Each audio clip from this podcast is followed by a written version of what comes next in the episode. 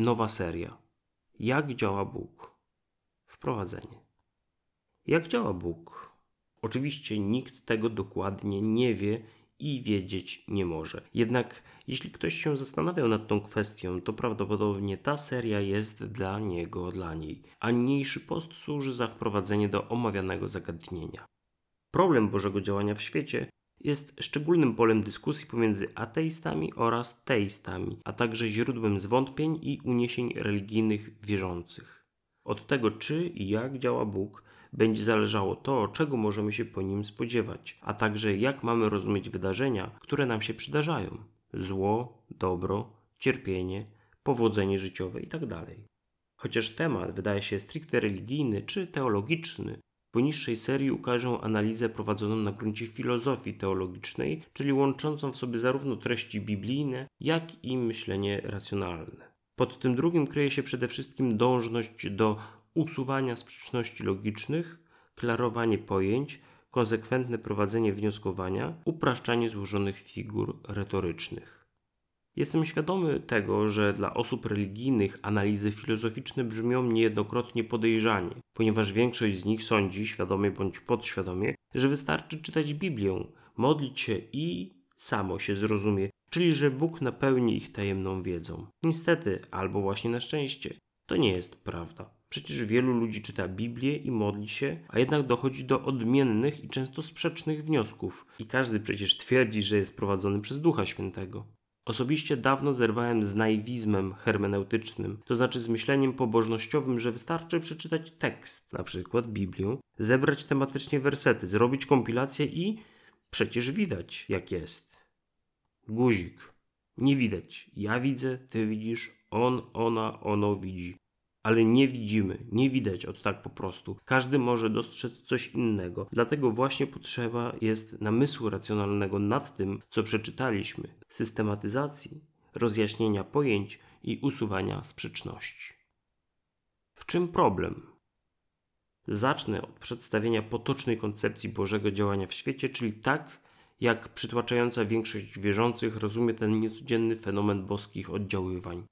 Koncepcję tę opisałem metaforą czarodzieja, mianowicie, że Bóg działa w świecie na zasadzie nadnaturalnych, doraźnych, uczasowionych interwencji. A więc mija mi dzień, nagle dzieje się coś niespodziewanego dla mnie, modlę się i Bóg, słysząc moją modlitwę, podejmuje działanie, czyni coś, reaguje, wkłada swój magiczny palec w dziejącą się wokół mnie rzeczywistość. Myślę, że zdecydowana większość chrześcijan w ten właśnie sposób interpretuje zdarzenia dziejące się w ich życiu. Jednak moim zdaniem nie jest to najlepszy sposób, w jaki można pomyśleć działanie Boga. W miejsce metafory czarodzieja proponuję rozważyć metaforę architekta, który swoją wszechmocą i wszechwiedzą doskonale i odwiecznie zna wszystkie stany przyszłe świata, stąd też w swoim jedynym, doskonałym akcie stworzenia kreuje nie tylko stan początkowy, ale wdrukowaną całą potencjalność rozwoju, w której znajdują się immanentnie wszystkie tak zwane interwencje. Metaforę architekta można również z powodzeniem zastąpić metaforą programisty, tworzącego w jednej milisekundzie cały kod programu, który następnie jest przetwarzany w czasie. Inaczej mówiąc, wszystkie Boże interwencje lub to, co my nazywamy interwencjami, z punktu widzenia Boga nie są reakcjami umiejscowionymi w czasie, jak gdyby Bóg podlegał czasowi, ale odwiecznie umiejscowione są w strukturze wszechświata i czekają tylko na odpowiedni bieg zdarzeń, zaistnienie odpowiednich warunków, aby zostały aktywowane.